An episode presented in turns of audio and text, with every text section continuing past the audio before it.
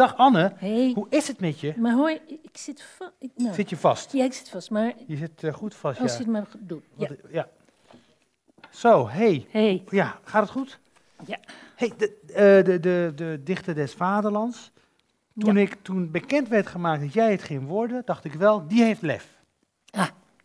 Dat is goed Dacht je dat ook? Ja, ja, ja. Toen, ik, eh, moest, toen ik het te horen kreeg, dacht ik, oeh, of te horen kreeg, toen, toen het, de vraag aan me gesteld werd of Ja. ik dat eventueel zou willen. Hè? Toen heb ik wel gezegd, doe maar wel even één weekje Het is je gevraagd. tijd. Het is ja, je, ja, ze kwamen naar was- je toe, een delegatie. Ja, want de, de- ah, zes, of nu inmiddels zes jaar geleden, maar vier jaar daarvoor was het een soort publieksverkiezing. Ja. Toen was ik wel ook gevraagd of ik dat leuk vond om met tien anderen eh, voor de leeuw geworpen te worden. Eh, voor de publieksverkiezing. Dat leek me toen helemaal geen goed idee. Ik wilde dat sowieso niet, maar toen leek me ook, kon ik me bij die functie ook niks voorstellen. Toen dacht ik nog, misschien moet ik eerst maar even oefenen als stadsdichter. Zoiets.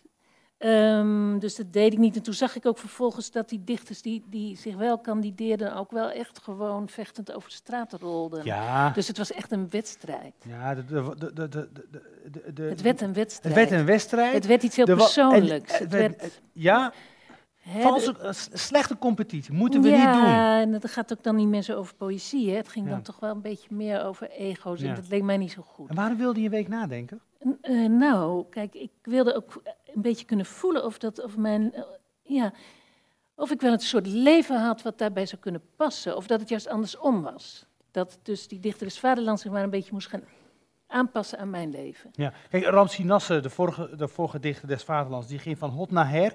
En die, Ja. wi- en die wist op bijna vanzelfsprekende, intuïtieve manier bij, bij het juiste evenement, incident, het juiste gedicht te componeren. Heel snel. Ja, Eh, eh, als ik jouw poëzie lees, ja. dan, dan heb ik niet het gevoel dat dat ook voor jou net zo vanzelfsprekend is. Oh. Omdat jouw poëzie iets anders doet. Ja, hè? ja, dat is waar. We zijn hele andere dichters. Maar ik vond het wel, jij had het net over lef. En ik vond het gewoon, ik vond het wel lef, omdat ik eh, inderdaad, al in de eerste plaats helemaal, ik ben geen Ramzi Nasser. En ook geen Anne Nasser. Ik ben gewoon geen Anne Nas. nee, Anne Nasser. En nee, ik ben gewoon mezelf. Ja. En dus ik ben, ik ben ja- misschien in dat opzicht een hele rare dichter. Ja. Ook een beetje raar, dat is mij vroeger. Nee, maar dat bedoel ik. Maar ik je had, bent Anne Vechter, je wordt dichter des. En dan wordt er van je verwacht dat je die gedichten zo even componeert. Ja, dus die proef die moest ik ook doorstaan. Hebben wij hier een voorbeeld van, ja hoor, dit gedicht. Ah. WK 2014. Nou, maar dat is wel een mooi voorbeeld, vind Ja, ik. toch? Zeker, maar dat is ook mooi, want het was anderhalf jaar, hè, dat is wat afgelopen zomer. Ik heb een tijdje nodig gehad om te wennen Mhm. aan zo acuut ergens op reageren middels een gedicht. Hoe kwam je tot dit gedicht? Was dit aan het aan na afloop of tijdens het toernooi? Ik had, eh, van tevoren had, eh, had ik met de NSC hadden we het erover gesproken. Wat zouden nou een paar momenten zijn waarop ik eh, gewoon kan toeslaan? En misschien kan ik die Jan Piepel een beetje voorbereiden. Nou, toen hadden we bedacht, het zou mooi zijn als er een gedicht komt als ze winnen, de Oranjes. Dat zou grappig zijn. Maar ik dacht, nou, dat gaat echt niet gebeuren. Je was pessimistisch. Ja, Ja. En, maar het werd dus heel vervelend, want het ging zo goed. en ik zat maar... Dus jij had te wachten op nee, maar verlies. ik had nog geen gedicht gemaakt. Ah.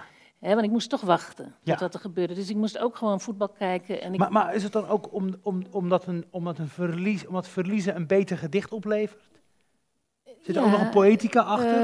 Ehm, nee, ik had het heel leuk gevonden als ik een winnend gedicht mocht schrijven, omdat ik zelf nogal melancholisch ben van aard. Ik haak makkelijker aan bij verdrietige gevoelens dan. ehm, ja. ja. En ik hou je, niet zo hou je goed van ik voetbal? Zit daar, op het moment Nee. dat je kijkt naar Nederland, Argentinië, denk je dan, zit daar de dichter, denk van als ze maar verliezen? Of zit daar de, dus Nee, de oranje supporter, Ik- als ze ja, maar winnen? Finale. Eigenlijk, eigenlijk heb ik dat al eerder meegemaakt. Op een gegeven moment heb ik geen mening meer en vind ik gewoon leuk om mee te doen. En als ik met mijn zonen op de bank zit, vind ik het heel erg leuk om enthousiast mee te denken Ja. en te, verkeerde opmerkingen te maken. Ehm, maar ik was toen alleen, ik zat in het Roland Holsthuis, dus ik was alleen met die gro- een grote tv en eh, ik zat eigenlijk achter de computer te wachten op de uitslagen. Zo. En toen heb ik de avond Je hebt, niet, voordat je, ze uiteindelijk... je hebt niet gekeken. Jawel, maar Oh. de tv stond aan en ik probeerde zoveel mogelijk te luisteren naar wat de commentatoren zeiden om allerlei termen te leren kennen. Van hoe, wat zeg je nou eigenlijk als iemand iets goeds doet op het groene veld? Bijvoorbeeld? Ehm, nou, term- een, zo'n een term, je- aantal die een daarin paar- staan. laten we er een paar zeker, Maar ik uitpikken. kan niet zo goed zien. Nee, dus, ik ook ehm, niet. oh. Ik ook niet. Overigens, jullie wist Gaf Vol op de wreef, eh, onderkantje lat. Nou ja, eigenlijk die dingen, die kon ik gewoon zo opschrijven. Juweel van die een werden mij treffer. gewoon voorgezegd. Ready-made. Ready-made, werd mij gewoon voorgezegd. Eh, alleen die, even denken, ja, het ging geloof ik, wat was het toch, de zon tussen je benen. Het ging over de, op een gegeven moment viel de term volgens mij gouden ballen of zoiets. Ja, weet je dat nog? Ja, ja, ja. Iets wat met, met die eh, snelle, met ja, eh, Robin had Ja. Ro- Robben kon de gouden bal gaan winnen. Dat- Ja, is dat het? Nee, ja, het weet was iets niet. anders. Het ging over een, een, een, een mannelijkheid, over, over gouden pik of zo. Gouden het was pik. iets, Gouden dat was het. Ja, Louis van Gaal had dat ging over Robben hem. Dat vond ik wel gouden pik. echt helemaal geen poëtische taal meer. Maar toch, toch bracht het mij eigenlijk op deze... Ja, ik vond het Ja. vervelend dat die mannelijke Is taal Louis vond van Gaal een poëtisch man? ja, hij heeft wel gedichten gemaakt, hè? Hij heeft gedichten Wist gemaakt. je dat niet? Oh ja, dat is ja, waar, ja. zeker heeft hij Ja. dat gedaan. Ja, god, het zijn wel echte rijm, rijmpjes. En dit is... Ja, maar niemand zegt dat natuurlijk tegen hem. Maar dat zijn wel rijmpjes. Eh, maar deze vond ik eh, uiteindelijk fijn, vooral omdat de laatste, een van de laatste regels was het eerste wat in me opkwam, die in me opkwam. Verliezen is eigenlijk meer iets voor verliezers. Ja, dat moet je uitleggen. Echt waar? Ja, vind ik wel. Oh, ehm, vind ik leuk. het verliezen is. eh, kijk, ik, ik zeg daarmee eigenlijk van: dit zijn geen verliezers.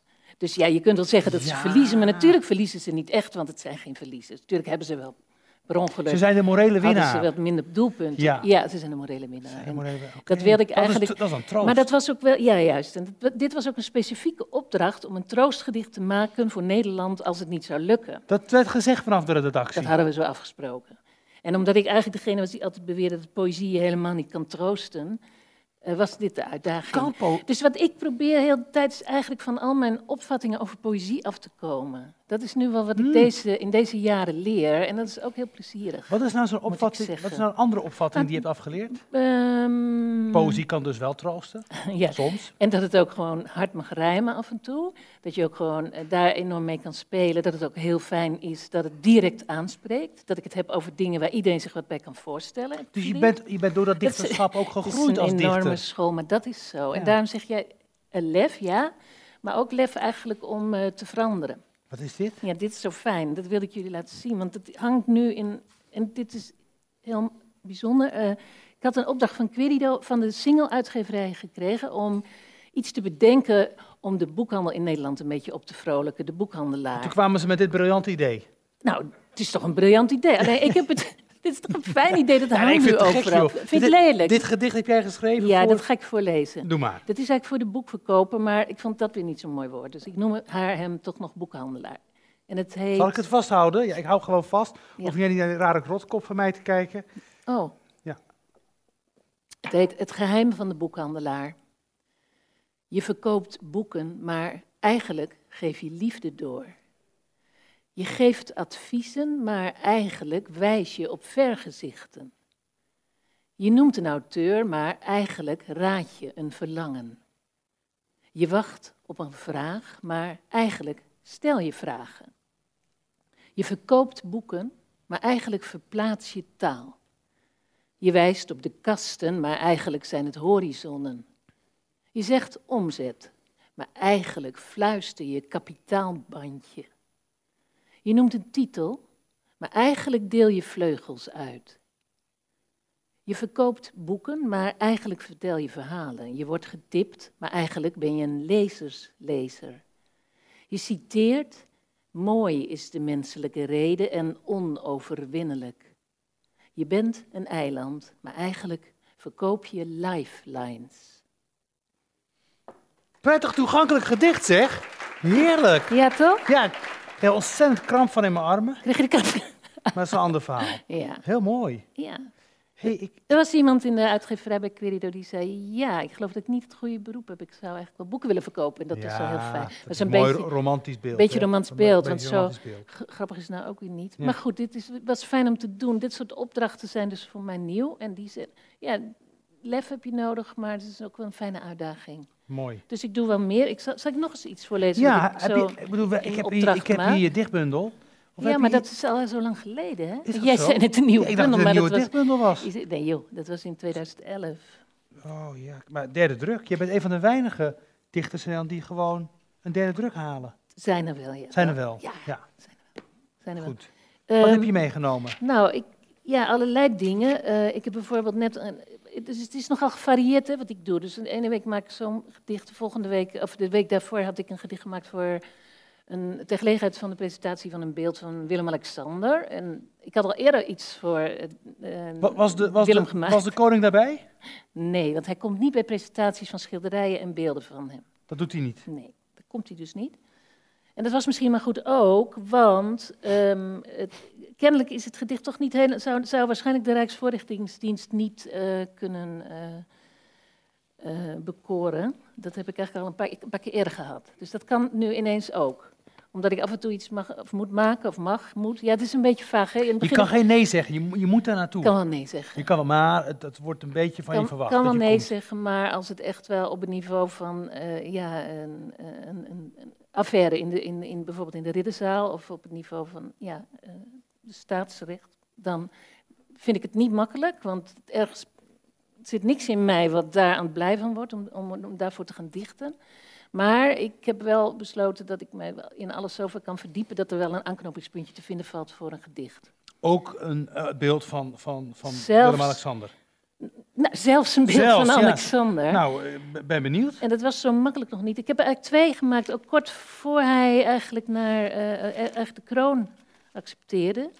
Die, die, hoort er een beetje bij. Maar waar heb ik die niet? Is, is, is hij voor jou veranderd in de tussentijd? Nou, dat, misschien wel. Ik ga dat, misschien je dat horen. Ja. Kijk, toen ik, voordat hij de, de, de kroon uh, aanvaarde, de koningschap aanvaarde, uh, was mij dus gevraagd een gedicht te maken. Toen dacht ik, ik weet echt helemaal niks van die man. Alleen ja, hij doet iets met water en volgens mij heeft hij geen, niet heel veel zin in deze klus. Of was dat altijd een onderwerp? Nou ja, toen dacht ik, dan moet ik toch maar nu maar doen met wat ik heb. Meer weet ik niet van hem, dus daar gaat het gedicht over. En het heet Iemand moet zich koning heten.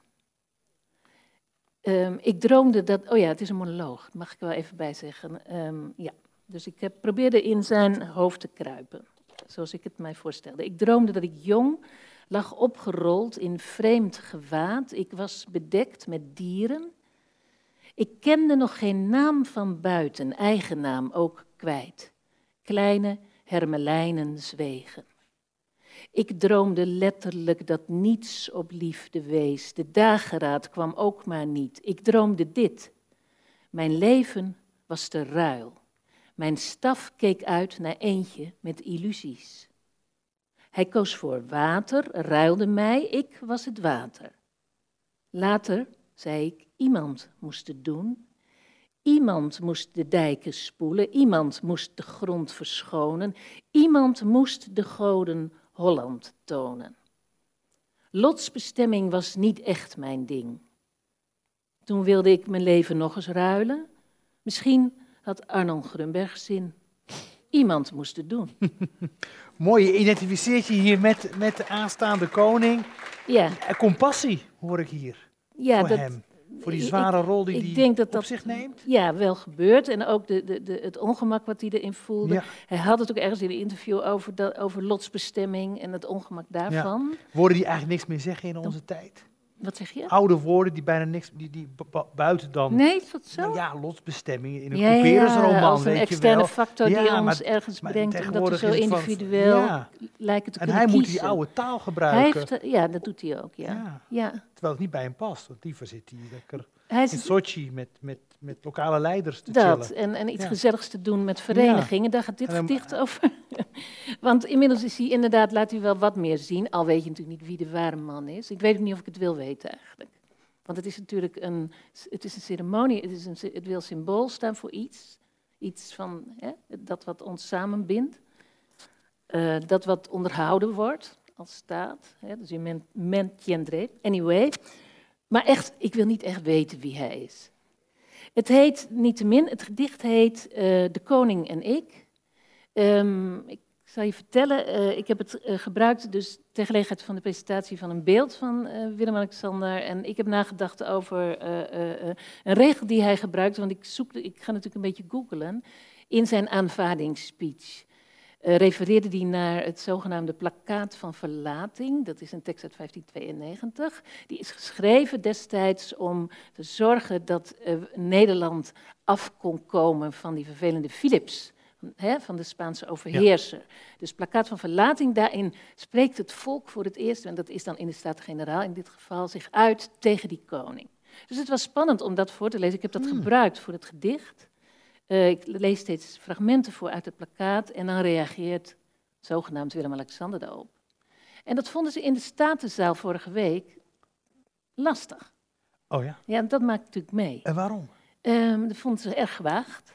Want was er, er was één statenlid dat onmiddellijk naar voren ging en zeide... ehm, ja, maar in dat gedicht wordt de koning wel weggestuurd. En hij wilde maar even duidelijk maken, het is niet namens ons allemaal. Zo. Ja, nee, maar dat Zo. gebeurt. Ja, maar dat kan ook niet. Dat heb ik ook besloten met die functie. Het kan niet namens al iedereen zijn als je je uit probeert te spreken, toch? Nee, kan niet.